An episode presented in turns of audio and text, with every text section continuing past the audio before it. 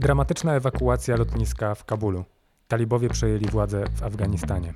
Na miejscu jest Jagoda Grondecka, jedyna wtedy polska dziennikarka, która relacjonuje wydarzenia w Afganistanie. Dzieje się jakaś historyczna absolutnie zmiana, na którą patrzy cały świat. Są tam wszystkie światowe redakcje, a jedynym dziennikarzem, dziennikarką z, z, jednak sporego europejskiego kraju jest jakaś nikomu nieznana Grondecka. Więc sobie siedziałam spokojnie, czytałam książkę, nie podeszło do mnie dwóch panów i pan mi mówi, ja wiem kim pani jest. Mówi, pani jest dziennikarką i pani pisała złe rzeczy o naszym rządzie.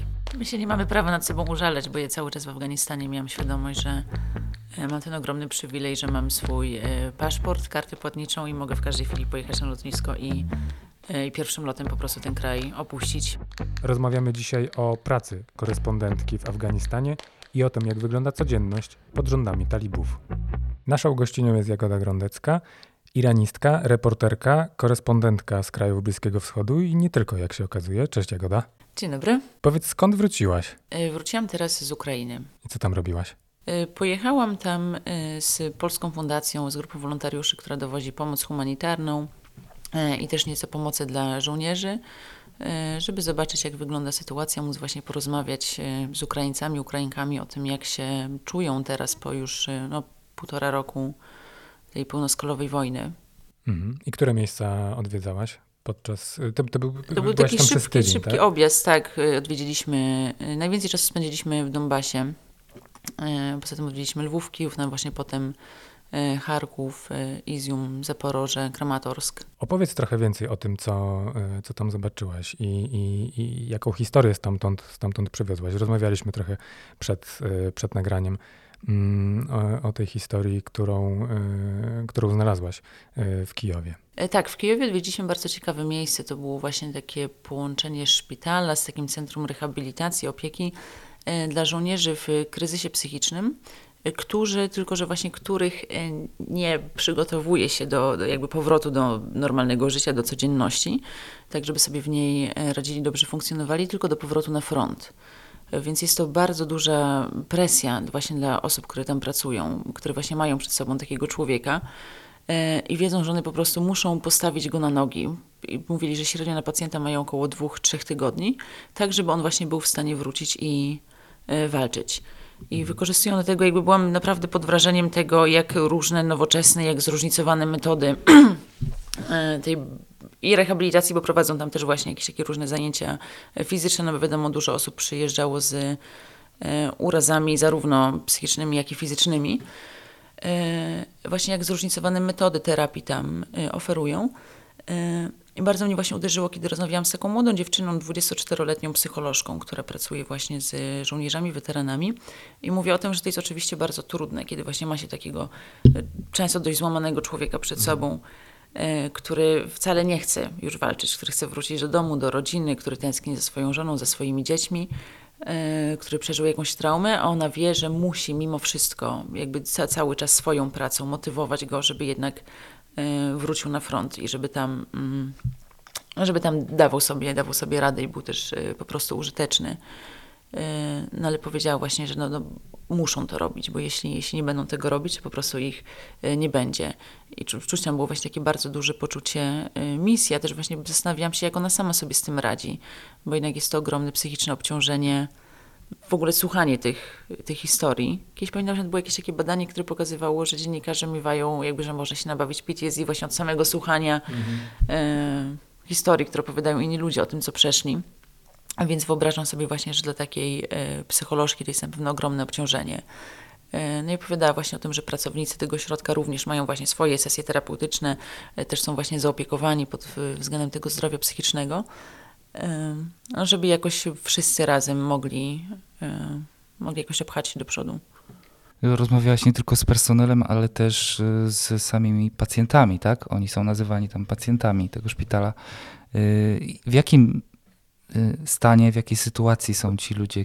Co oni teraz przeżywają i w jaki sposób y, przez te dwa, trzy tygodnie w, no, podnoszą się z, z tego doświadczenia wojennego, żeby wrócić na, na front? E, Z tymi pacjentami nie porozmawiałam aż tak dużo, jakbym chciała, chociaż udało mi się z niektórymi przynajmniej wymienić numerami. Mam nadzieję, że jeszcze porozmawiamy przynajmniej telefonicznie, ale pamiętam właśnie był taki pan, który był właśnie akurat bardzo chętny do rozmowy, pan Aleksiej, który 3,5 roku spędził w rosyjskiej niewoli. i teraz właśnie dochodził do siebie tam w tym centrum pod okiem tych, pod okiem współpracowników. Jakby mnie zawsze uderza właśnie, w, kiedy widzę konflikt, jakby jak bardzo absurdalną rzeczą jest wojna. Kiedy właśnie widzi się tych no, mężczyzn, zwykle to są mężczyźni, zwykle młodzi, takich właśnie często złamanych psychicznie, fizycznie i i macie świadomość, że tak naprawdę to jest wszystko po nic. Jakby nie w tym sensie, że Ukraińcy walczą po nic, proszę mnie absolutnie źle e, nie zrozumieć, e, ale że sam ten konflikt sobie jakby nie ma absolutnie żadnego sensu i że do niczego nie prowadzi, ewentualnie do punktu wyjścia tylko, tylko trochę gorszego. Tak. No, wiesz, Ukrainie będzie się bardzo ciężko po tym, e, po tym podnieść, ale właśnie, że całe to zniszczenie, cierpienie, że to wszystko jest kompletnie absurdalne i mam wrażenie, że to zawsze tak gdzieś tak się wybije bardzo mocno w rozmowach właśnie z, z żołnierzami, z żołnierkami, którzy e, walczyli, walczą. Jakieś takie właśnie poczucie, oczywiście jakby każda, każdy stara się na swój sposób e, motywować, duża część z nich ma takie silne patriotyczne pobudki, ale też właśnie mówili o tym, że E, że niestety, bo pierwsze brakuje im ludzi, a po drugie, że ci, którzy teraz właśnie e, przyjeżdżają, zwłaszcza gdzieś tam w te okolice e, linii frontu, że często brakuje motywacji, że nie chcą walczyć, że, że się boją, co jest oczywiście absolutnie ludzkie i zrozumiałe. Dosyć oczywiste, że jak się przeszło przez to piekło, to nie chce się tam wracać. Mm, ale chciałem Cię też zapytać, bo mówiłaś, że dużo rozmawiałaś z osobami, które pracują tam, sprawują opiekę nad tymi ludźmi i gdzieś próbują postawić ich do pionu, e, te, te, te osoby. Czy e, udało ci się dowiedzieć, jakimi w ogóle argumentami, jakimi metodami udaje się ich jednak przekonać, bo pewnie wiele z tych osób na front ostatecznie wraca po tak, z tego, z tego właśnie, co, co, mówiły, co mówiły właśnie pielęgniarki, e, lekarze, terapeutki, większość zdecydowana mówiły, że oczywiście są takie przypadki, kiedy nie da się już takiego człowieka właśnie odesłać na front, ale że zdecydowana większość jednak wraca.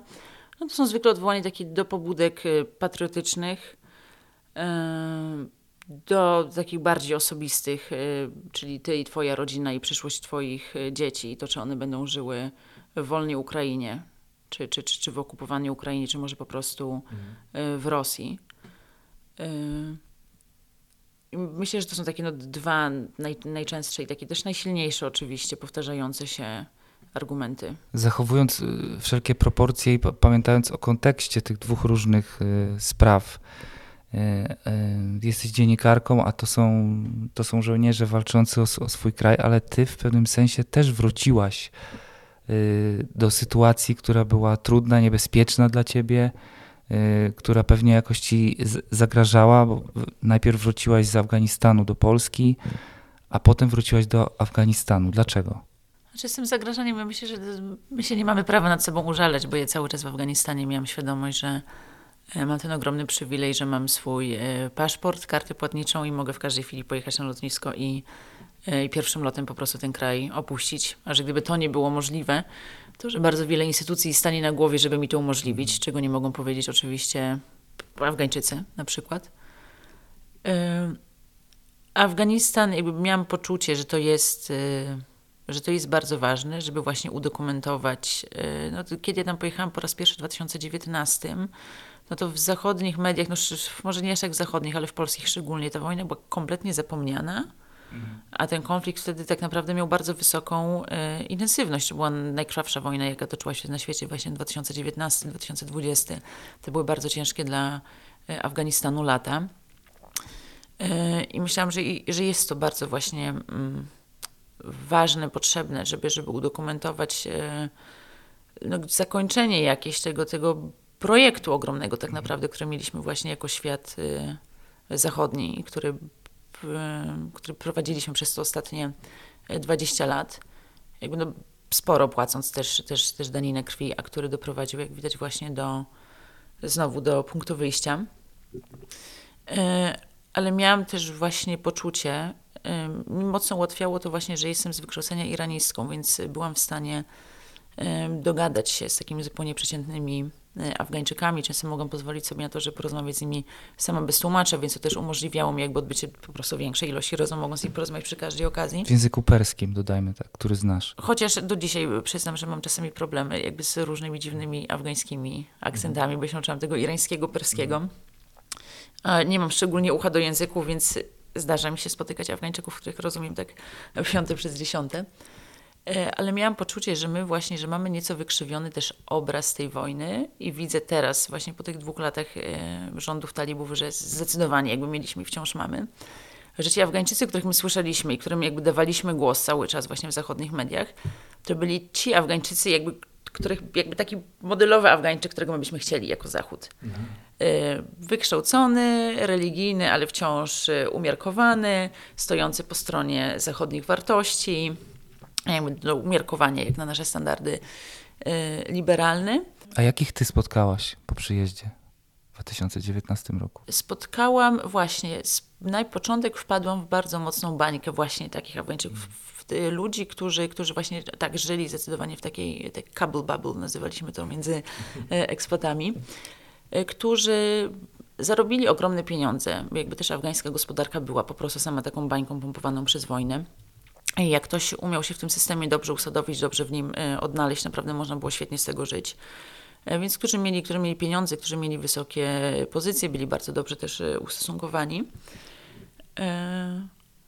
Więc dla, dla których jakby trwanie tej, tej wojny i, i, okupacji było, no, było zdecydowanie czymś bardzo y, zyskownym. Mhm.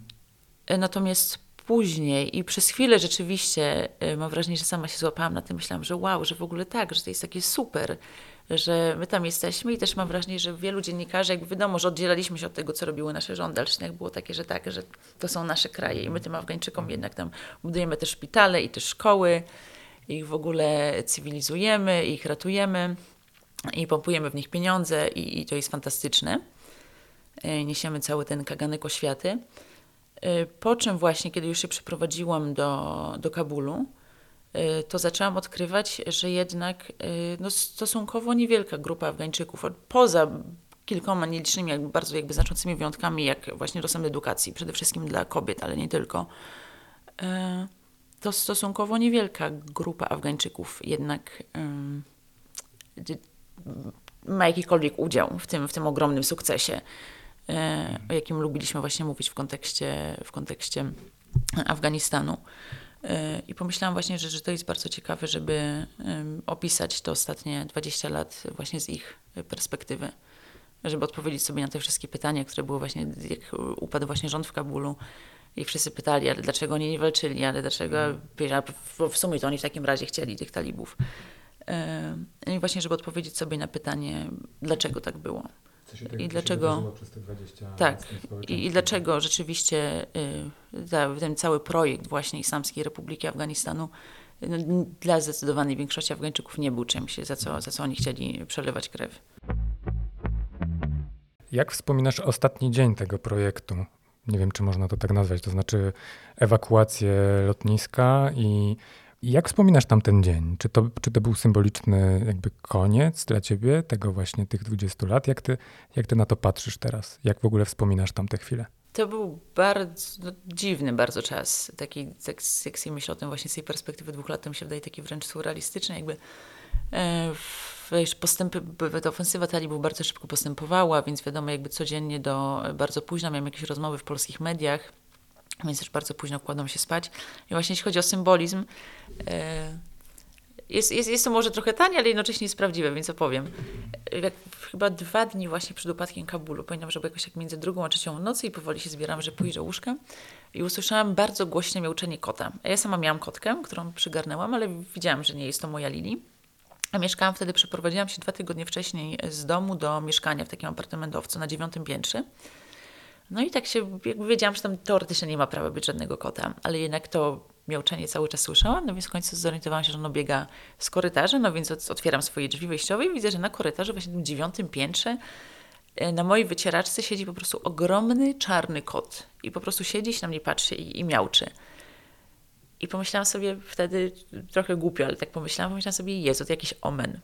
Mhm. E I 15 sierpnia, pamiętam, że to była niedziela, yy, jakby wiedzieliśmy w Kabulu jakby od rana, że talibowie stoją wszędzie u bram miasta i, i generalnie, że czekają. W mieście panowała bardzo dziwna atmosfera, jakby na początku była taka totalna yy, panika. Yy, ludzie starali się dostać do domów, jakby pracownicy rządowi, jakiejś, jakiejś administracji i tak dalej wychodzili, wychodzili z biur. Były ogromne, jeszcze większe niż zwykle w Kabulu korki.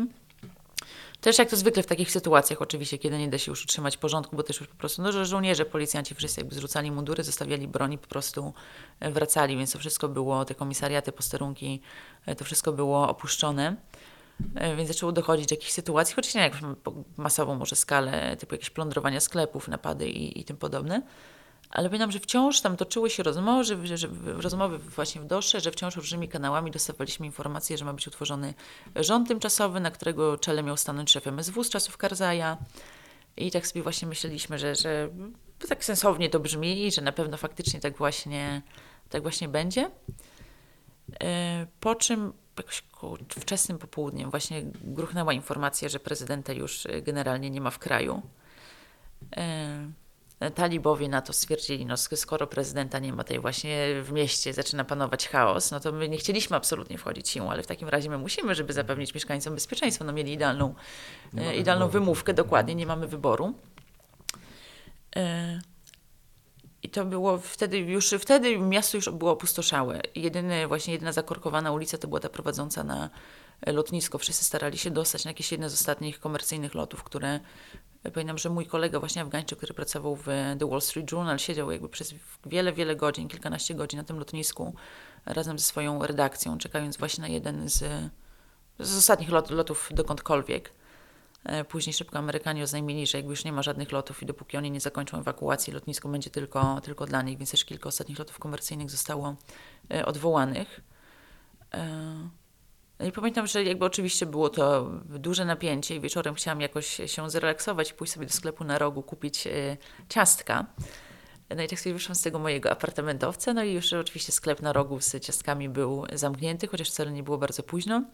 I wszędzie byli talibowie i pomyślałam sobie, że Jezu, to jest takie dziwne, że jakby spotykałam wcześniej tych ludzi. Mhm. E, jeśli dali mi do tego dostęp i się na to zgodzili, że jeździłam w te rejony, które były pod ich okupacją jeszcze wcześniej za e, Republiki, E, ale że teraz widzę ich w policyjnych samochodach, mhm. którymi jeszcze do wczoraj jeździła e, właśnie afgańska armia, afgańska policja. Dzisiaj siedzą w nich oni i trzymają tam swoją flagę.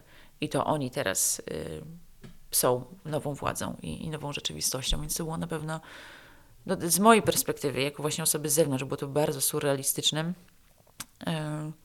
Nie, nie jestem w stanie sobie do końca wyobrazić, jak ciężkie to musiało być dla Afgańczyków właśnie przede wszystkim tych e, w miastach. No bo też oczywiście jakby no duża część Afgańczyków żyła, żyła pod talibską okupacją e, przez wiele, wiele lat, więc, e, więc dla nich nie był to aż taki, aż taki szok.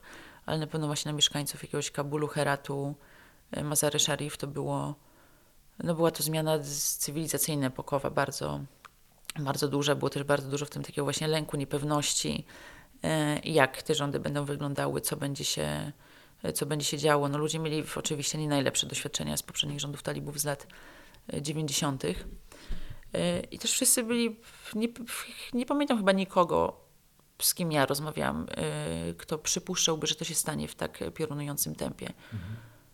Pamiętam tylko, że właśnie dostawaliśmy już potem codziennie, spływały informacje, że upadło kolejne miasto i kolejne i kolejne, że była jakaś impreza, na której właśnie dostaliśmy wiadomość w takim późnym wieczorem, że upadł Herat. Wszyscy byli w szoku, sporo osób wtedy, sporo osób płakało. I pamiętam, że znowu ze trzy dni przed upadkiem Kabulu siedziałam sobie z kolegami. Z tym właśnie jeden był dziennikarzem, dwóch pracowało dla rządu, w tym jeden właśnie w tej ekipie negocjacyjnej, która tam w Dosze z talibami rozmawiała. I wtedy rzeczywiście uderzyła mnie jakby ta atmosfera tego spotkania, mhm. że, że po raz pierwszy, kiedy często się spotykaliśmy w takim gronie, a wtedy po raz pierwszy jakby tak siedzieliśmy i piliśmy jakąś taką okropną, ciepłą wódkę z sokiem wiśniowym e, i czułam się po prostu jak na stypie. Mhm. I tam już rzeczywiście czuć było tak, że, że mocno ulatywała z nich e, jakakolwiek nadzieja. Tam coś, coś się jeszcze tliło, właśnie rozmowy, negocjacje, e, rządy tymczasowe, podział władzy i tak dalej, ale, ale czuć było, że tam już nie ma, nie ma za bardzo e, wiary. Ale też właśnie no, jednak nikt nie spodziewał się takiego tempa. Pamiętam, że chyba mhm właśnie chyba Wall Street Journal opublikował e, jakiś wyciek właśnie z, chyba z amerykańskiego wywiadu, że w takim tempie talibowie zajmą Kabul e, w 6 miesięcy. Ja sobie myślałam, Jezu, 6 miesięcy? Myślałam sobie, nie, niemożliwe. To naprawdę jakby to nie, nie może nie może to trwać aż tak, aż tak krótko. Oni byli w Kabulu po dwóch dniach. No ale z, zamiast, y, być może miałaś takie myśli, ale zamiast, zamiast y, szukać y, pierwszego, lepszego lotu do Europy, to postanowiłaś zostać i nie tylko zostać, ale też trochę wyjść z roli dziennikarki, być nadal dziennikarką, relacjonować, ale też pomagać ludziom. Czy to właściwie jak to wyglądało z twojej perspektywy? Czy to była twoja świadoma decyzja, czy po prostu rzeczy się działy? Raczej, raczej rzeczy się działy. Tak, nie wiem, myślę, że może tak usiadła i to przemyślała na chłodno, to nie wiem, jakie decyzje bym podjęła. Lubię myśleć, że takie, jakie podjęłam, ale nie mam pojęcia.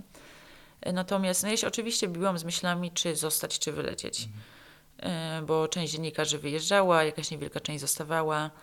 Ci, którzy zostawali, jakby z reguły to byli dziennikarze dużych zachodnich organizacji, którzy mieli jakieś mocne wsparcie e, właśnie swoich redakcji. Ja wiedziałam, że będę raczej zdana sama na siebie i polski rząd też jakby bardzo e, naciskał na to, żebym, e, żebym wróciła. Już w pewnym momencie podjęłam taką decyzję, po rozmowach właśnie dziś z rodziną stwierdziłam, że okej, okay, dobra, ta koleżanka zostaje, ten kolega zostaje, to że ja też mhm. zostanę. No bo jednak no nie ukrywajmy, jakby dla dziennikarza to był fascynujący okres, e, móc być świadkiem właśnie tych pierwszych dni e, powrotu talibów do władzy. E, ale właśnie jakoś nie wiem, po dniu, po dwóch dniach, odkąd właśnie upadł Kabul, napisał do mnie właśnie Piotr Łukasiewicz, nasz był ambasador, który razem właśnie z grupą, z grupą ludzi, bo to była generalnie wszystko praca zespołowa, o tym, że właśnie jest grupa naszych Afgańczyków do ewakuacji, którzy potrzebują, żeby ich tam zawieźć na to lotnisko. No i się szczególnie na tym nie zastanawiałam. No, słyszałam po prostu, że są ludzie, którzy potrzebują pomocy, a że ja właśnie no, jestem po prostu na miejscu, więc, więc mogę to zrobić. No i powiedziałam, że pewnie, no bo nie wyobrażałam sobie też innej odpowiedzi. Mhm. Ale też miałam jakieś dość naiwne wyobrażenie o tym, jak to wyglądało, bo wiedziałam jakieś sytuacje na lotnisku. No, no wszyscy widzieliśmy wtedy te obrazy ludzi, którzy się tak, spadają z tych y, samolotów. E, ale ja miałam jednak jakieś takie przeświadczenie z jakiegoś y, przedziwnego powodu, że jeśli to będą ludzie, którzy są na naszej liście do ewakuacji, właśnie, że tam jest jakaś lista, że tam są jakieś nazwiska, że tam są jakieś bramy, że na tych bramach ktoś stoi w puszce, jak no nie wiem, jak bramki w klubie albo na koncercie, no to, że ja po prostu tych ludzi tam przywiozę, bo oni sobie przejdą przez te bramki, im pomacham na pożegnanie, czy tam z nimi spokojnie posiedzę na tym lotnisku, poczekam aż odlecą. Jeszcze pamiętam, że mówiłam e, mamie, bo nie miałam za bardzo czasu z nią rozmawiać, mówiłam, że mamo, spokojnie, ja w nocy będę na lotnisku sobie siedzieć, będę mieć czas i w ogóle luz sobie porozmawiamy. Myślałam, że sobie Instagrama nadrobię, coś sobie powrzucam. E, no okazało się oczywiście, że kompletnie nie ma na to przestrzeni.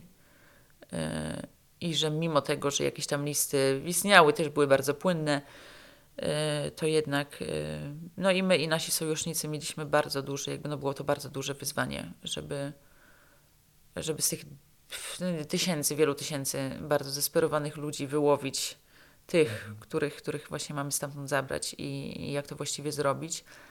E, panował tam straszny chaos. To było bardzo ciekawe też było obserwowanie właśnie jak e, te zagraniczne wojska zaczęły współpracować z talibami, no bo musiały, bo talibowie wtedy byli tam jedyną siłą, która była w stanie zapewnić jakiekolwiek minimalne e, bezpieczeństwo. E, I właśnie widzieć tych e, brytyjskich żołnierzy, na przykład właśnie stojących na tej bramie i tych talibów obok którzy wymieniają jeszcze między sobą przez tłumacza jakieś, jakieś, jakieś komendy. I pomyślałam, Jezu, jakby tydzień temu do siebie strzelaliście. Że może już nie tydzień temu, bo wtedy już nie było jakby misji bojowej, wtedy już też bardzo duża część żołnierzy wy, została ewakuowana. Jakby no dużo jakby przyleciało do Kabulu specjalnie na ewakuację, potem jak wcześniej sami zostali ewakuowani. E, ale to też było bardzo dziwne, E, dziwny widok, dziwne doświadczenie. I, I, gdybyś mogła jeszcze powiedzieć trochę, jak to wyglądało, bo z tego, co, z tego, co mówisz, to, to była trochę walka o to, żeby ci ludzie e, znaleźli się w tych samolotach, prawda? E, że, że każde z tych miejsc musiało być trochę wywalczone, trochę przekonane, trochę w sensie dużo trzeba było, to, to nie było tak, jak, jak mówisz, że stała otwarta bramka i mm, po lewej stronie ci państwo, po prawej ci państwo. Tak, no w to, to, to, jak te listy były tworzone, no to, to się generalnie jakby działo poza mną i nie chcę tego, i nie chcę tego oceniać. Myślę, że jakby dość powiedzieć, że do ostatniej chwili my chcieliśmy, żeby ci ludzie polecieli sobie naszej ambasady w Delhi po, po wizy, co było oczywiście już na tamten moment absolutnie wykonalne. ale właśnie sam sposób właśnie no, do, dostanie się na, na to lotnisko wojskowe, na tę część lotniska wojskowego, no, tam był straszny tłum, panował tam generalnie chaos. E, ludzie byli właśnie bardzo zesperowani. Też, taką sytuację też widzieliśmy w mniejszej skali całkiem niedawno, kiedy było trzęsienie ziemi w Turcji i właśnie w Kabulu gruchnęła plotka, że Turcy zabierają do siebie wolontariuszy, żeby pomogli przy odgruzowywaniu. E, I po prostu tysiące młodych mężczyzn, jakby w tym Kabulu zakorkowało całą drogę na lotnisko talibowie, znowu musieli tam jechać, strzelać w powietrze i tak dalej, żeby ten tłum e, rozproszyć. I wtedy też właśnie bardzo dużo, właśnie bardzo było dużo jakby fake newsów między Afgańczykami, że tu Amerykanie, a tu Kanadyjczycy, że zabierają wszystkich bez wizy, bez paszportu, że po prostu wystarczy pojechać i sobie wsiąść do samolotu. E, więc, więc ściągało tam generalnie bardzo dużo ludzi. Więc był tam chaos, było tam strasznie gorąco. Y, ludzie tam, wiadomo, byli, byli z dziećmi, często spędzali tam y, wiele dni, y, mdleli, tratowali się. Sytuacja też jak się dość dynamicznie zmieniała, bo, bo nie wiem, tam gdzie na przykład kilka godzin wcześniej nie było talibskiego checkpointu, potem nagle on wyrastał jak z podziemi. Mhm.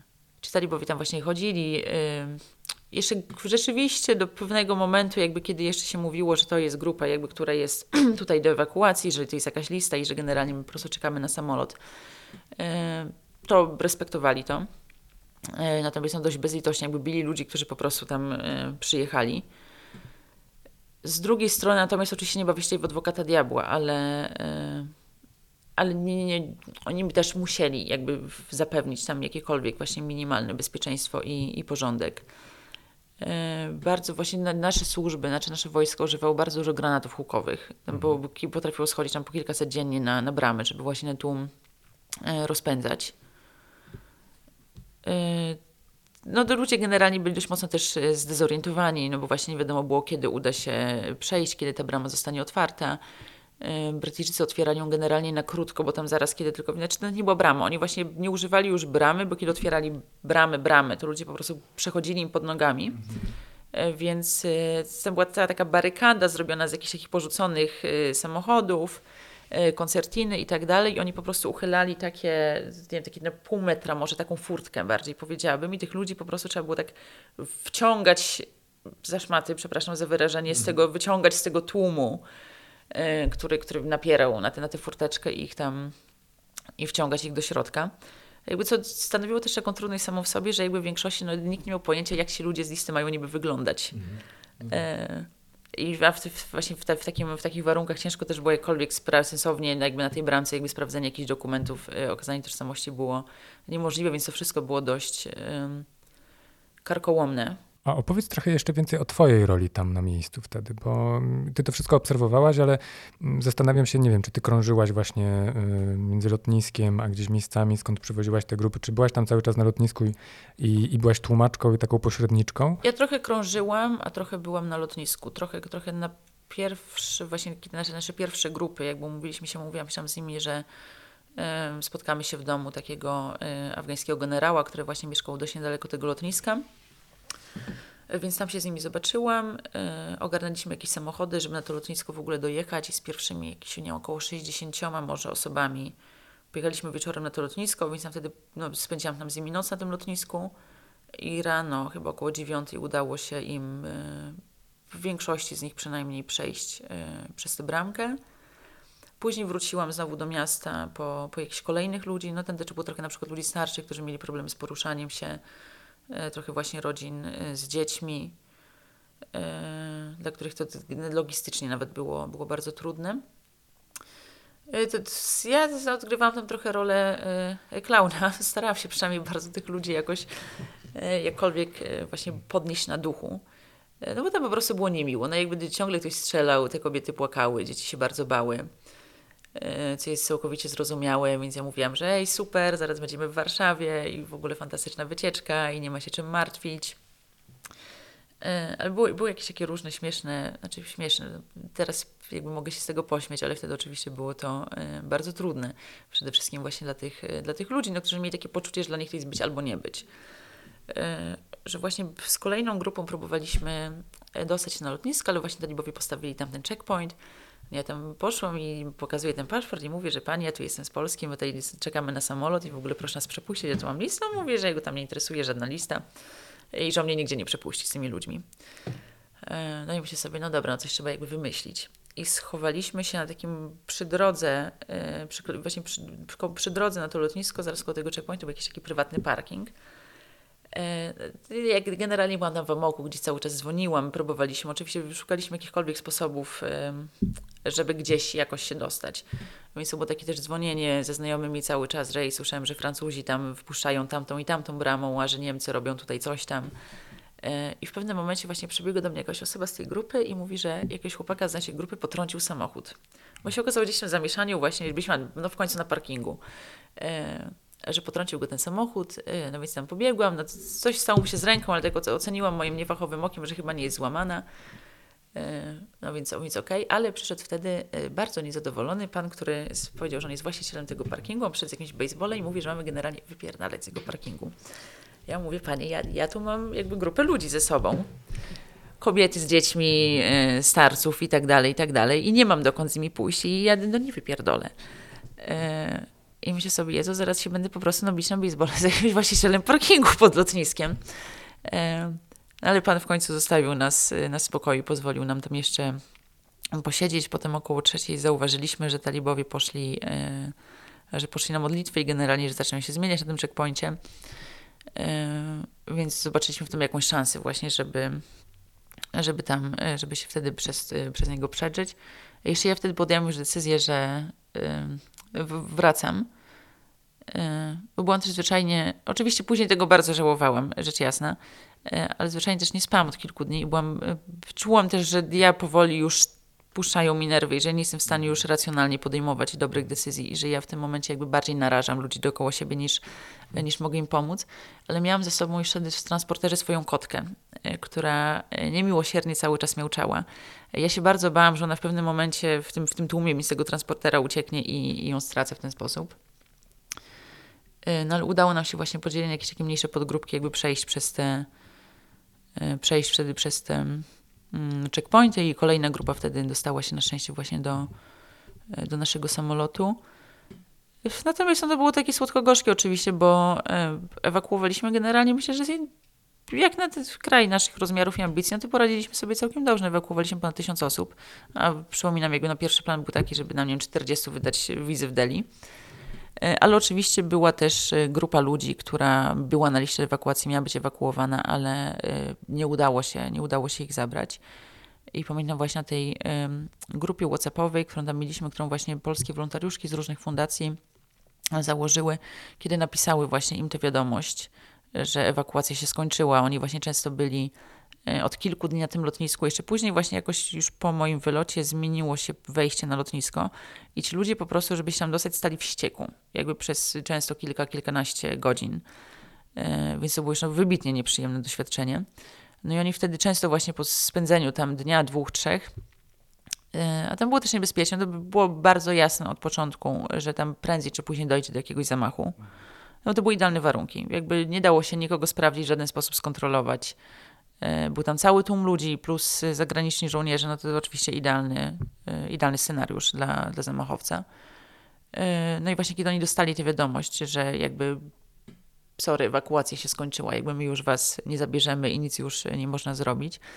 No i było tam bardzo dużo oczywiście żalu, złości, mm, takiego poczucia, że nie zrobiliśmy wcale tyle, ile, ile moglibyśmy. Mhm.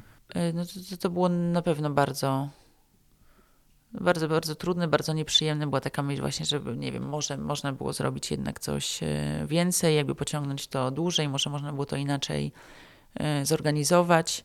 I ci ludzie zostali y, na miejscu, są tam do dzisiaj? Na pewno sama znam przynajmniej jedną osobę, której udało się później dostać polską wizę w Teheranie i jest teraz e, w Warszawie. Myślę, że część z nich na pewno w jakiś sposób kraj opuściła ale część też została w grudniu, chyba właśnie w, grudniu, tak, w grudniu pod talibach bezpośrednio robiłam wywiad właśnie z takim panem pułkownikiem, który pracował z Polakami w Gazi. On był tam odpowiedzialny właśnie z ramienia afgańskiej policji e, za, za bezpieczeństwo w prowincji e, któremu właśnie nie udało się e, dotrzeć na, na, na lotnisko, gdzieś za późno się dowiedział o tej ewakuacji. No, ludzie tam też zjeżdżali właśnie z różnych, z różnych części kraju. No i właśnie ze swoją rodziną ukrywał się, zmieniał, co ja mówię, że to jest czwarte mieszkanie, w którym właśnie od sierpnia, od sierpnia przebywa. No, mia, miał wciąż jakąś taką właśnie nadzieję, że może, że może uda się go jeszcze jakoś stamtąd wyciągnąć i to też dla mnie zawsze było takie dość trudne, no bo jakby siłą rzeczy wiadomo, jakby ludzie mieli takie wyobrażenie, że, że skoro ja jestem z jakiegoś kraju i tak samo jakby to samo doświadczenie mieli wszyscy inni dziennikarze, to że my możemy jakby jakoś im pomóc właśnie w tym, w tym wyjeździe. E, ja nigdy jakby nie wiedziałam za bardzo, jak im powiedzieć, że jakby sorry, ale to już kompletnie nikogo nie obchodzi, a już zwłaszcza od wybuchu wojny e, w Ukrainie i że nikt niczego generalnie dla was nie zrobi. Jak od tego czasu zmieniło się życie w Afganistanie i jak zmieniło się Twoje życie? Bo gdzieś w jednym z wywiadów przeczytałem, że z Tobą, że znajomi, znajome Twoje w Afganistanie, mm, no, wielu z nich, wiele z nich często myśli nawet o samobójstwie. To znaczy dochodzą do takiej ściany, że, że nawet, że tylko to staje się dla nich jakimś rozwiązaniem. Część wyjechała, część pewnie chce ciągle wyjechać. Jak to dzisiaj wygląda, też z twojej perspektywy?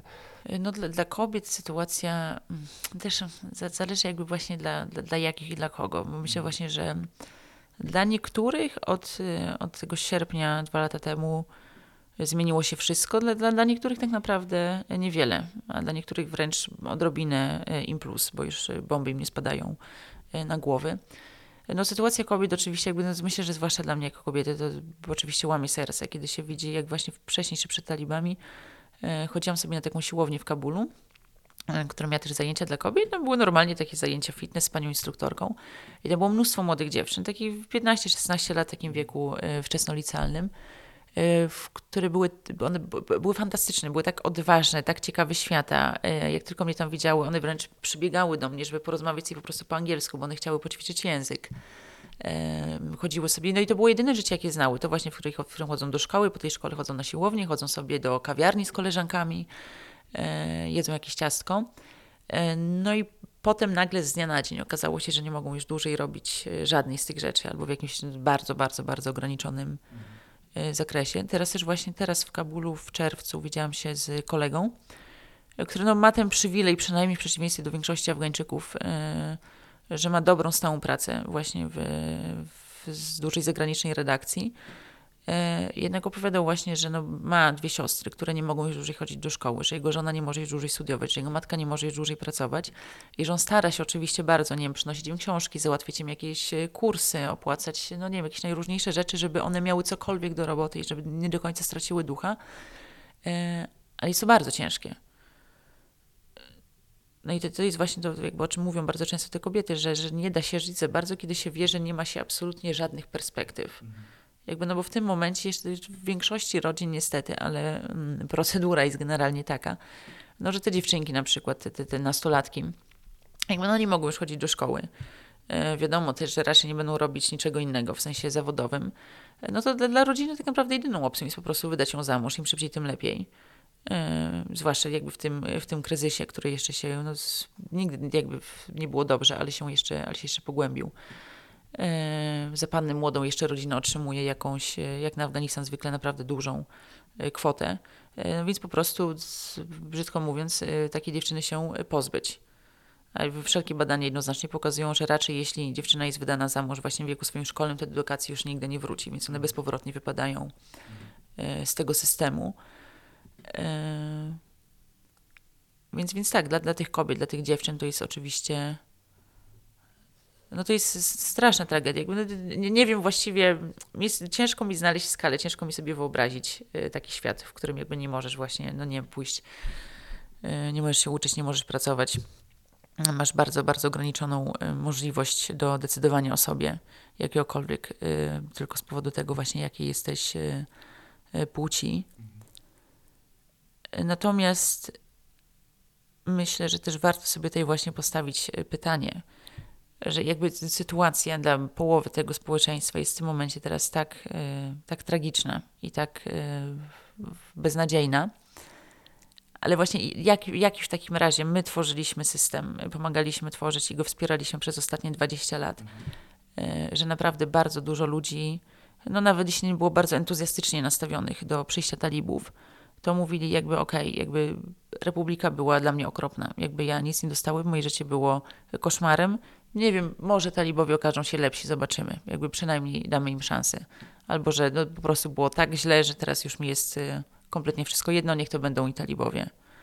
A myślę, że jest bardzo mało, i że też niestety jakby sami Afgańczycy, sami afgańskie elity, jak rozmawiam czasami właśnie z znajomymi um, dyplomatami, różnego rodzaju aktywistami i tak dalej i tym podobne, że tam niestety, ale jest bardzo dużo niezrozumienia właśnie tego, co poszło źle e, na wszystkich frontach przez ostatnie 20 lat. Pamiętam właśnie taką rozmowę. Kiedyś łapałam sobie taksówkę na ulicy, no i zabrał mnie jakiś taki młody chłopak.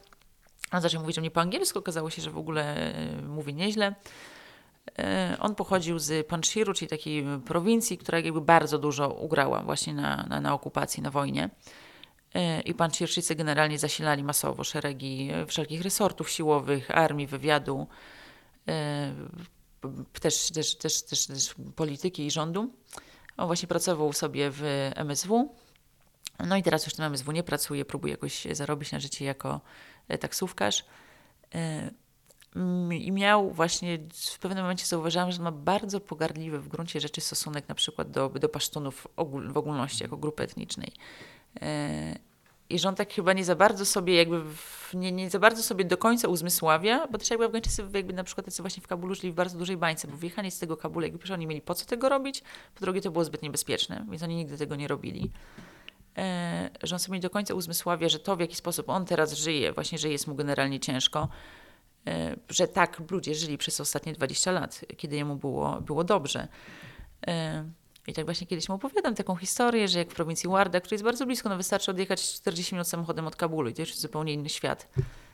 Że robiłam właśnie, zbierając materiał do książki, robiłam wywiady z ludźmi, śledziłam E, zbrodnie popełnione przez właśnie afgańską armię, która pracowała, czy armię, to były właśnie takie specjalne pododdziały, które nie podlegały w żadnym stopniu w ogóle, nie miały żadnego afgańskiego zwierzchnictwa, one były sponsorowane, szkolone i podlegały tylko i wyłącznie pod CIA. E, wspólnie z CIA przeprowadzały właśnie takie e, noce naloty, które bardzo często kończyły się właśnie śmiercią cywili. No i właśnie opowiadałam o tym, jak to byłam w takiej wiosce, że w tej wiosce to praktycznie nie było rodziny, w której ktoś by nie zginął albo nie został właśnie trwale okaleczony przez jedną z takich operacji i tak dalej i tym podobne. Na co on się odwrócił i mi oznajmił, że to był ich problem.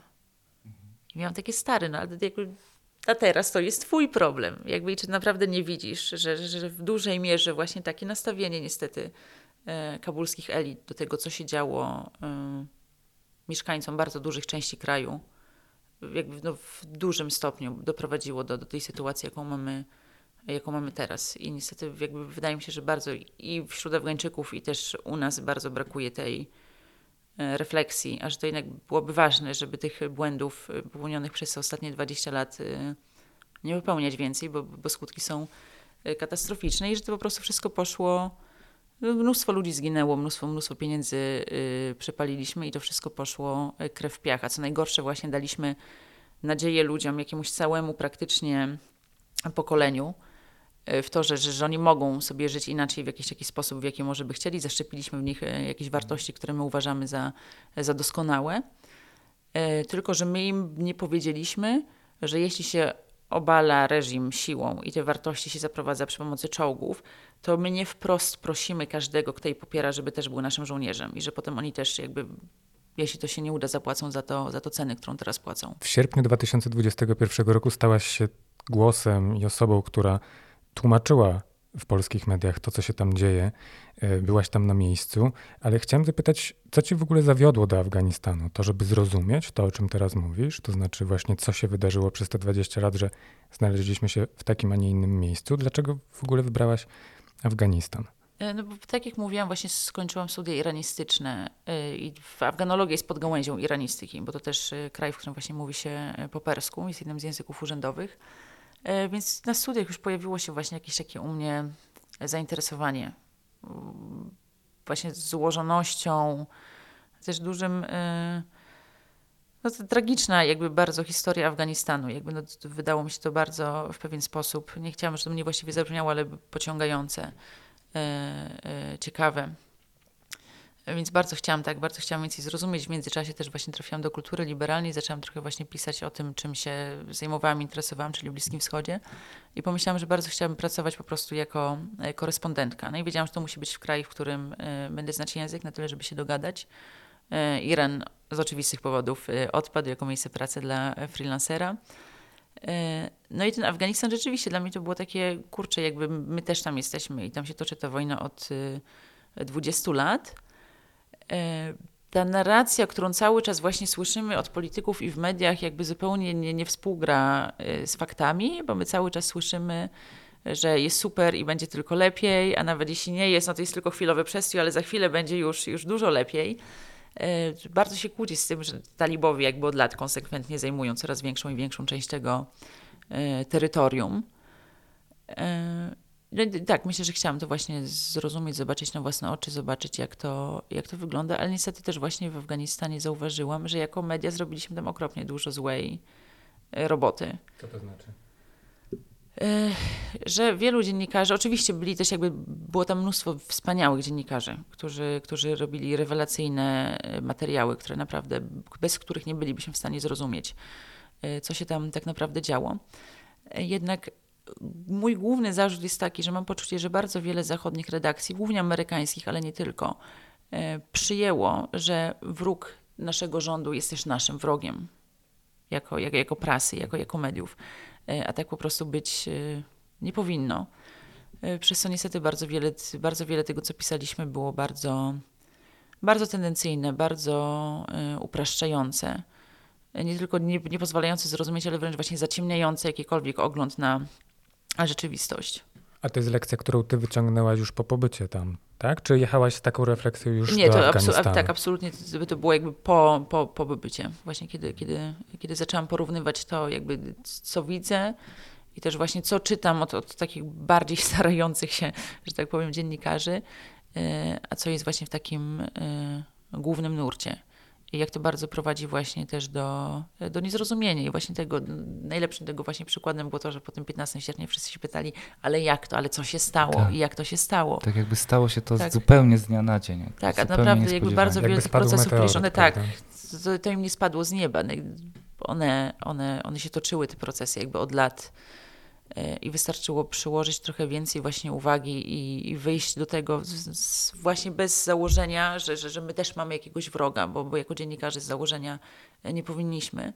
E, I myślę, że bylibyśmy, no przynajmniej bylibyśmy o wiele mniej e, zdziwieni. Czy ciebie do Afganistanu wysłała jakaś redakcja, czy wysłałaś się sama? Wysłałam się sama. Współpracowałam wtedy z krytyką polityczną. E, powiedziałam, że hej, chcę w ogóle pojechać do Afganistanu, więc czy dacie mi taki list, żebym mogła dostać wizę i akredytację. Oni powiedzieli, że spoko.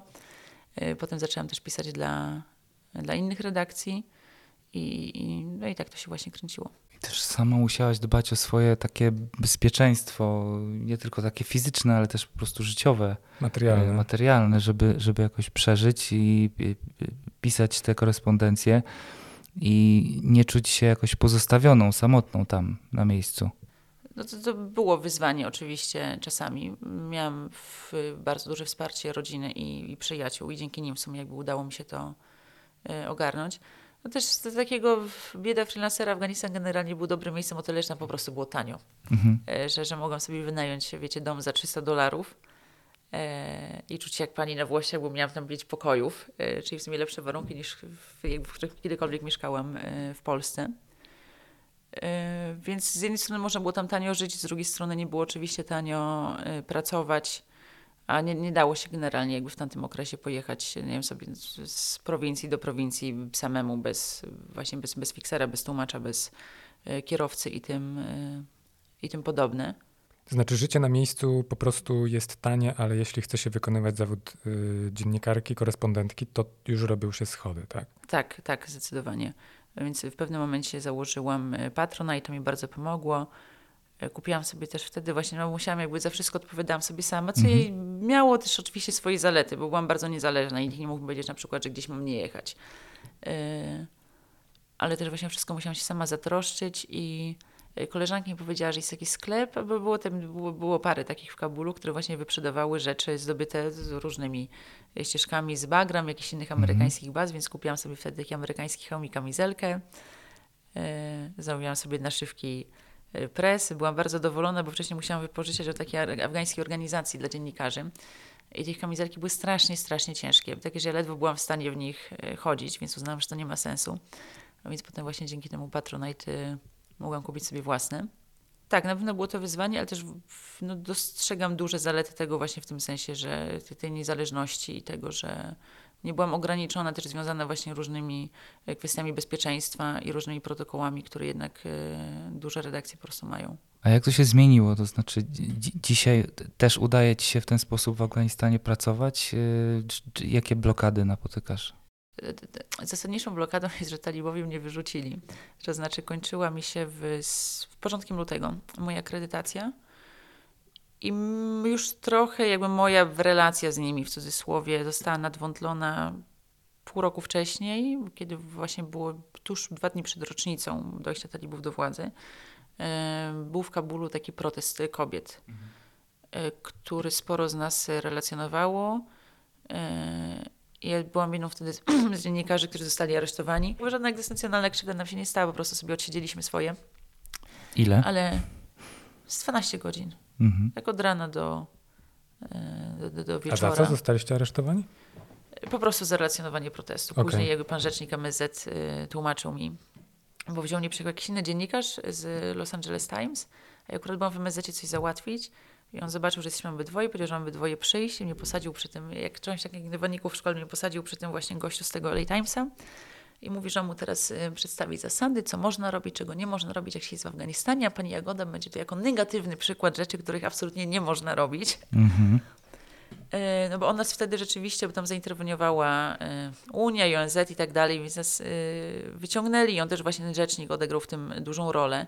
E, natomiast widziałam, że to mocno nadszerpnęło jakiś taki właśnie, no, nie wiem, rodzaj relacji, którą starałam się z nim zbudować, no bo siłą rzeczy bardzo wiele dla mnie od niego zależało. I potem jak po przerwie świątecznej, no, już sobie siedziałam, nie miałam żadnych większych y, problemów, w sensie no nie większych niż inni ludzie, ale potem przyleciałam po przerwie świątecznej i polecieliśmy zamiast do Kabulu, to do Kandaharu, bo w Kabulu na lotnisku wciąż tam latają tylko afgańskie linie, bo podczas ewakuacji zostały zniszczone radary i, i, jakaś taka właśnie infrastruktura. I nikt tego do dzisiaj nie naprawił. Tam się da lądować tylko manualnie, więc nikt poza Afgańczykami nie chce tego robić. Zawsze dookoła są wysokie góry. E, więc tam jak tylko w Kabulu jest trochę gorsza pogoda, to nikt już tam nie wyląduje, więc trzeba lecieć gdzieś indziej. No i poleciliśmy właśnie do Kandaharu, bo w Kabulu spadł śnieg. No ja tam sobie siedziałam, e, siedzę sobie na lotnisku, powiedzieli po prostu mamy czekać, jak przestanie padać, no to polecimy. Więc sobie siedziałam spokojnie, czytałam książkę, i podeszło do mnie dwóch panów. I mówią, że dzień dobry, czy możemy porozmawiać? Ja mówię, że no możemy. I pan mi mówi, ja wiem, kim pani jest. Mówi, pani jest dziennikarką i pani pisała złe rzeczy o naszym rządzie. Ja mówię, no, muszę zobaczyć jakiś przykład. Mówi, o czym pan mówi, że się do tego ustosunkować. A pan miał tam wszystko przygotowane. Miał jakieś moje artykuły, mojego Instagrama, jakieś konkretne zdjęcia, które mu się nie podobały. Bardzo mu się nie podobały materiały o y, narkotykach. E, no i on mi zaczął tłumaczyć, że, że, no, że nie można generalnie pisać y, takich rzeczy y, i że on chce mojego maila. Ja mówię, no, że nie, przepraszam bardzo, ale nie dam mu sprawdzać mojego maila, że jeśli chce mnie aresztować czy coś takiego, no to okej, okay, nie będę robić siupy i z nim pojadę, ale że nie. E, no i musiałam mu tłumaczyć czemu, ja musiał jakieś podejrzane i mówię, no że nie, panie, jakby to jest mój prywatny i służbowy i tu jakaś ochrona źródeł. No, taka dyskusja, która zasadniczo nie miała sensu. E, natomiast po jakimś czasie stwierdził, że, że no okej, okay, jakby, że mnie już zostawi. Ja mu się próbowałam wytłumaczyć, że, bo on miał właśnie bardzo ciekawą miał wizję jakby pracy naszej dziennikarskiej, bo mówił, że tak, wszystkie kraje świata mają problemy. Ja mu jakoś mu tłumaczyłam, że, że, że u mnie w kraju też są problemy i że dziennikarze też przyjeżdżają, niech piszą bardzo niepochlebnie, ale że my ich za to nie wsadzamy do więzień. I on, on wszedł w zaparte, że dziennikarze nie jeżdżą do żadnych krajów świata poza Afganistanem, chociaż wszystkie mają problemy, ale nikt na przykład jego zdaniem nie pisze o tym, co się dzieje źle w Ameryce. Dlatego wszyscy ściągamy właśnie do, do Kabulu. Ja mówię, no, że pani nie może pan ode mnie oczekiwać, ani od nikogo, że, będą że będziemy pisać same dobre rzeczy. E, I on od bardzo długiej stronie nie dało się dyskutować za bardzo, że on nie, on nie chce, żebym ja pisała dobre, on tylko nie chce, żebym pisała złe. E, no ale właśnie, więc już wiedziałam, że to są takie moje ostatnie podrygi, potem kończyłam jeszcze akredytację, więc oczywiście zwróciłam się z wnioskiem o, o nową talibowiem w międzyczasie zrobili taką specjalną komisję medialną, która jestem do dzisiaj przekonana, że nie istnieje, ale w skład której rzekomo mieli wchodzić właśnie przedstawiciele czterech różnych resortów i decydować o tym, czy dziennikarz może dostać akredytację, czy nie.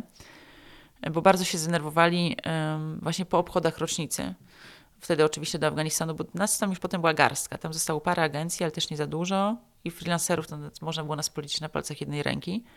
Ale oczywiście na rocznicę właśnie nam zjechali się mnóstwo dziennikarzy z całego świata, że napisać wszystkie teksty rok po, podsumowanie mm -hmm, tak. i tak dalej, i tak dalej. E, no i z tego, co mi, co mi mówili różni ludzie właśnie z talibami związani, to oni byli bardzo niezadowoleni z tego, jak niepochlebnie te bilanse roczne wypadają.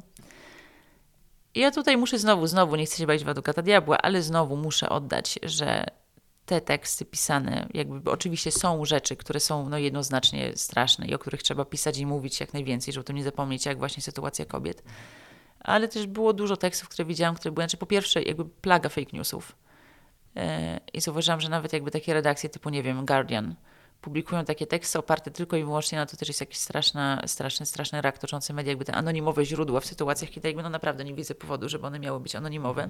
W stylu anonimowi aptekarze, którzy mówią, że talibowie zabrali sprzedawania antykoncepcji, kiedy wystarczyło wykonać kilka telefonów, żeby się dowiedzieć, że, że po prostu tak nie jest i żaden taki zakaz nie wszedł w życie, ale już nagłówki zdążyły cały świat y, oblecieć.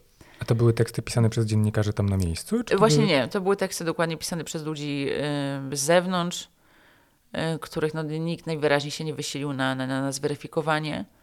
E, pamiętam potem, że na inna potem gazeta, The National chyba emiracki, jakby rzeczywiście podzwoniła po szpitalach ginekologicznych, położniczych, po organizacjach, które zajmują się jakimś tam właśnie family planning i powiedzieli, no, że nie ma niczego takiego i żaden taki zakaz nie wszedł w życie, nikt o nim nie słyszał.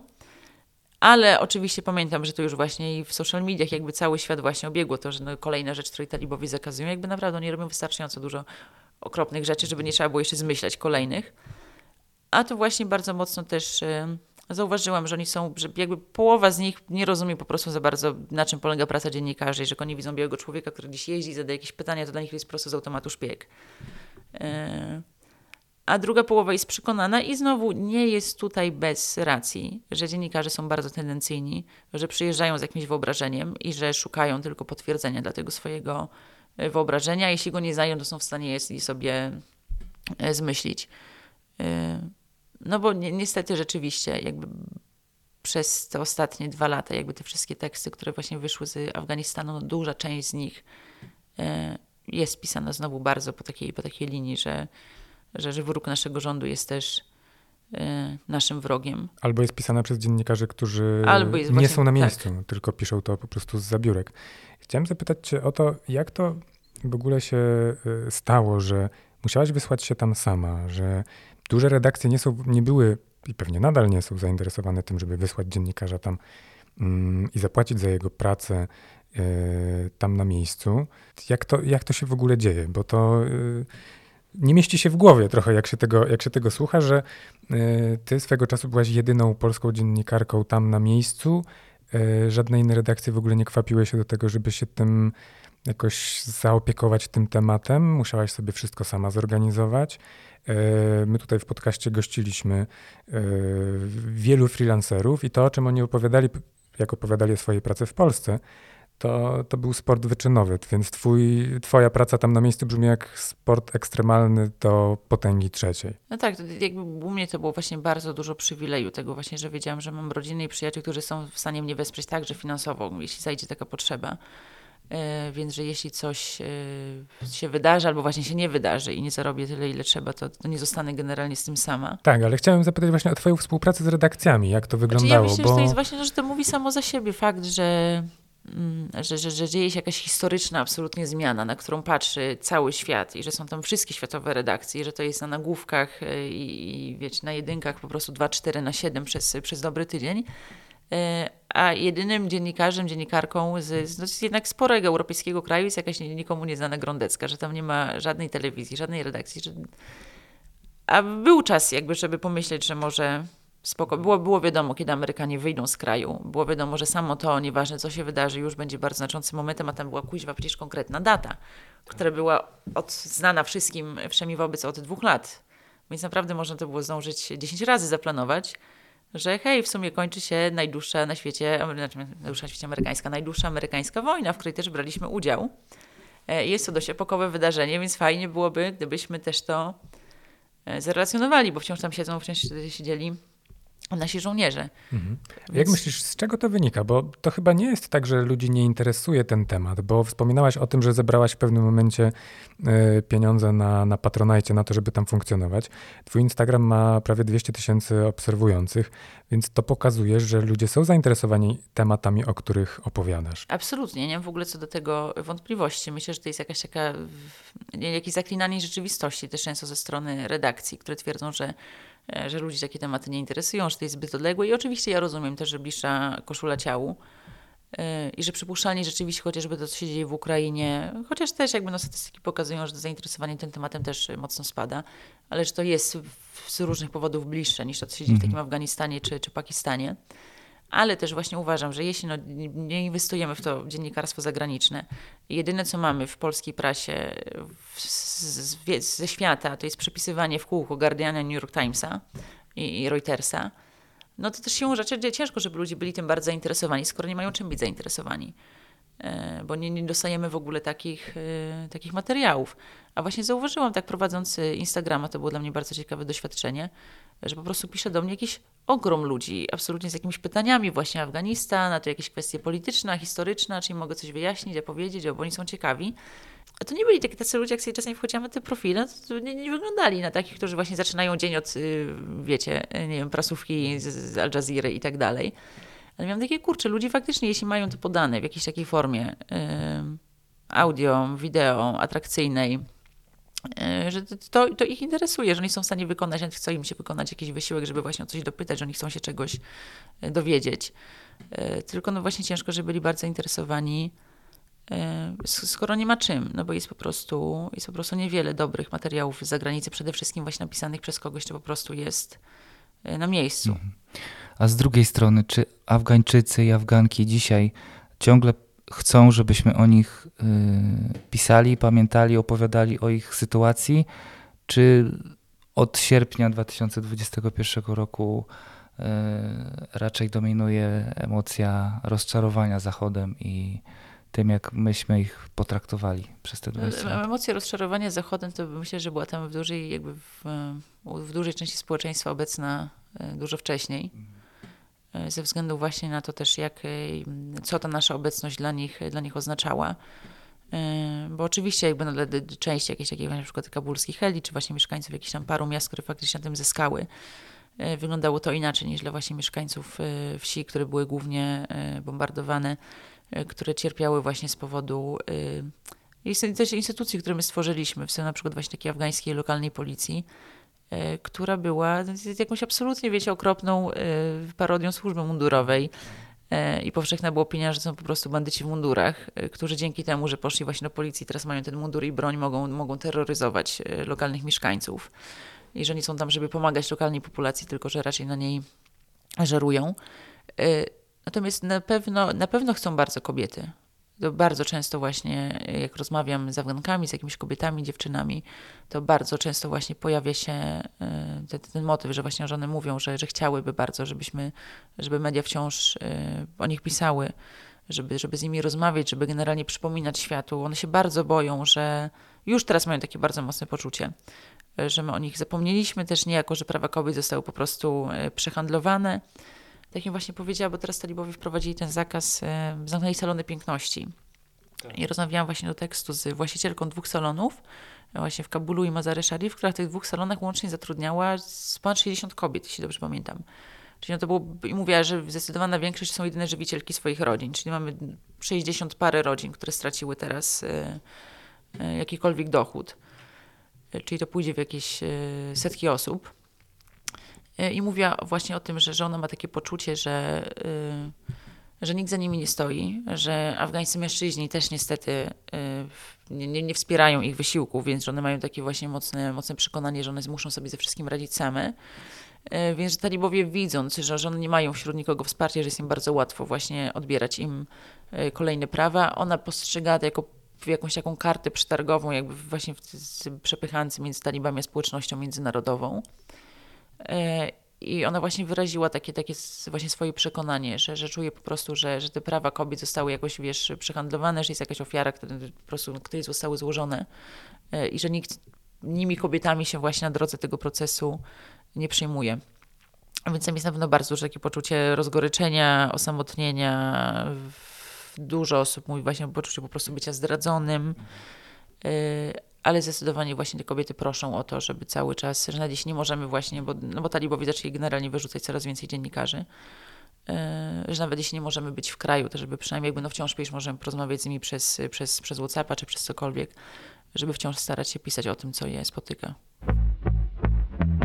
Piszesz książkę, to już, to już możemy chyba ogłosić, e, o Afganistanie. E, o tej drodze, którą Afganistan przesz, przebył y, także pod wpływem y, nas również, państw Zachodu. I ja chciałem Cię zapytać, czy ta książka będzie y, o upadku, czy wręcz przeciwnie, o odrodzeniu tego społeczeństwa? A, bardzo dobre pytanie. Sama jeszcze nie wiem. Na pewno ja pamiętam, że pojawił się pomysł na tę książkę y, jeszcze zanim, zanim właśnie upadła Afgańska Republika.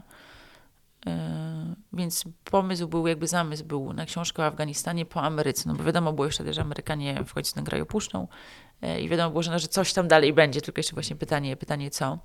Nikomu się chyba właśnie wtedy nie śniło, tak jak rozmawialiśmy, że, że, że cały ten właśnie projekt, który, który budowaliśmy e, przez tyle lat, jakby zdąży upaść, zanim jeszcze my w ogóle na dobro opuścimy kraj.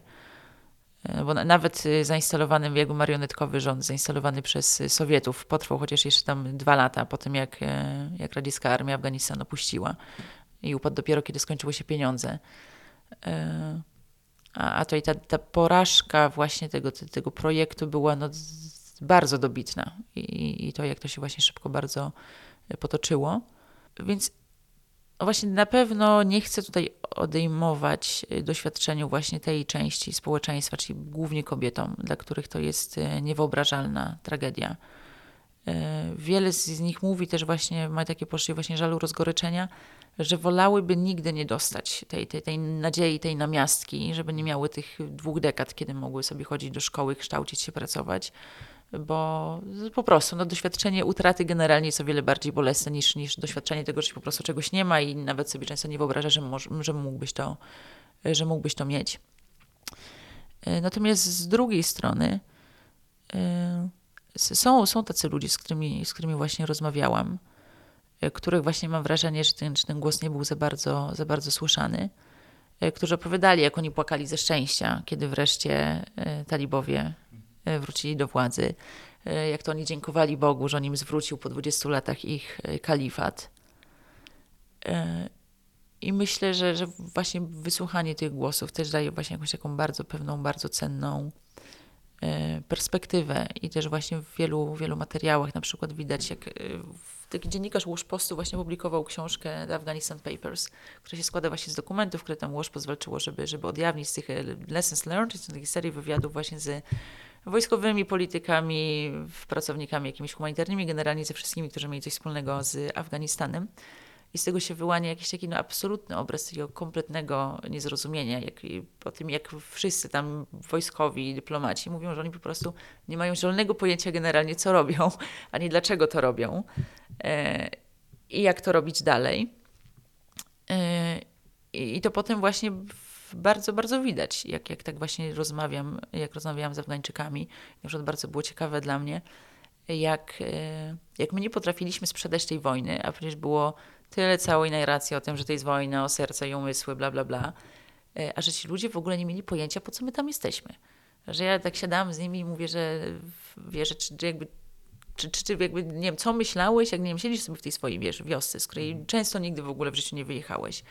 E, I nagle masz tutaj po prostu jakieś mnóstwo, mnóstwo ludzi, jakichś obcokrajowców, którzy mówią w innym języku, którzy, wiesz, no taki amerykański żołnierz na swoim homofonii i we wszystkim, no to wygląda jakby równie dobrze mógł przelecieć z Marsa, a nie ze Stanów. Jakby i co ty myślałeś, że dlaczego oni tutaj są? I się okazywało, że ci ludzie nie mieli pojęcia, że oni w życiu w większości przypadków nie słyszeli o żadnym 11 września, żadnym Bin Ladenie, żadnej Al-Kaidzie. E, że jak oni oglądali zdjęcia, wiesz, e, World Trade Center, to oni myśleli, że to Kabul. Y, którego, którego właśnie bardzo często nigdy nie widzieli. E, Więc oni właśnie mówili o tym, że, nie, że generalnie oni nie, nie wiedzieli, że nie wiedzieli, czemu ci ludzie tam są. No więc jakby sami musieli sobie oczywiście tę lukę narracyjną e, zapełnić. Więc najczęściej oczywiście pojawiały się wersje, że to jest generalnie wojna wytoczona przez Zachód przeciwko islamowi, że tutaj Amerykanie przylecieli obalić rząd, bo im się nie podobało, że mają dobry muzułmański rząd, który się kieruje szariatem i tak dalej i tym, i tym podobne. E, I pomyślałam, Boże, jakby no przez 20 lat właśnie nikt tym ludziom nie potrafił, jakby nawet się nie starał chyba za bardzo e, opowiedzieć, tak, co, co my właściwie tam robimy i, i dlaczego, a potem byliśmy bardzo zdziwieni, że oni to z, w dużej mierze wcale nas y, nie chcą i że mają do nas stosunek raczej taki dość mocno sceptyczny, albo że owszem, wykorzystają nas, bo też jakby było bardzo wiele takich przypadków właśnie, które też wynikały z tego, że my nie mieliśmy pojęcia, co robimy. E, Więc byliśmy idealnym po prostu pionkiem w grze dla ludzi, którzy starali się załatwić jakieś swoje prywatne, rodzinne i tak dalej porachunki właśnie z jakimiś swoimi osobistymi wrogami, sąsiadami, z którymi się spierali o ziemię od lat cokolwiek, bo wystarczyło e, mieć dojście do odpowiedniej bazy wojskowej i powiedzieć, że ten sąsiad właśnie to talib albo Al-Kaida. E, W ten sposób bardzo często właśnie niewinny człowiek lądował w Bagram albo wręcz w Guantanamo, a często tam przypadał na wiele lat, a pięciu mężczyzn z jego rodziny e, zaczynało wendetę e, anty, antyamerykańską i, i antyzachodnią. Chciałem zapytać na koniec, y, jaki masz pomysł na siebie teraz? To znaczy, czy nadal będziesz pisać o Afganistanie, będąc tutaj, nie mogąc y, chwilowo pojechać do Afganistanu, czy obierasz jakiś nowy kierunek? No Ja z Afganistanu przeprowadziłam się właśnie wtedy, jak, jak się dowiedziałam, że nie dostanę już akredytacji, to przeprowadziłam się do Pakistanu, e, bo jest za miedzą e, bardzo, bardzo blisko też. e, no, si- Siłą rzeczy jakby w samym Pakistanie jest bardzo wielu Afgańczyków, jest to też kraj jakby nierozerwalnie z Afganistanem związany i też sam w sobie jest e, bardzo ciekawy, więc pomyślałam, że zacznę pisać o e, Pakistanie. E, Natomiast musiałam potem, musiałam po dwóch miesiącach zaledwie wrócić do Polski, bo zerwałam tam ścięgno Achillesa e, grając sobie w kosza.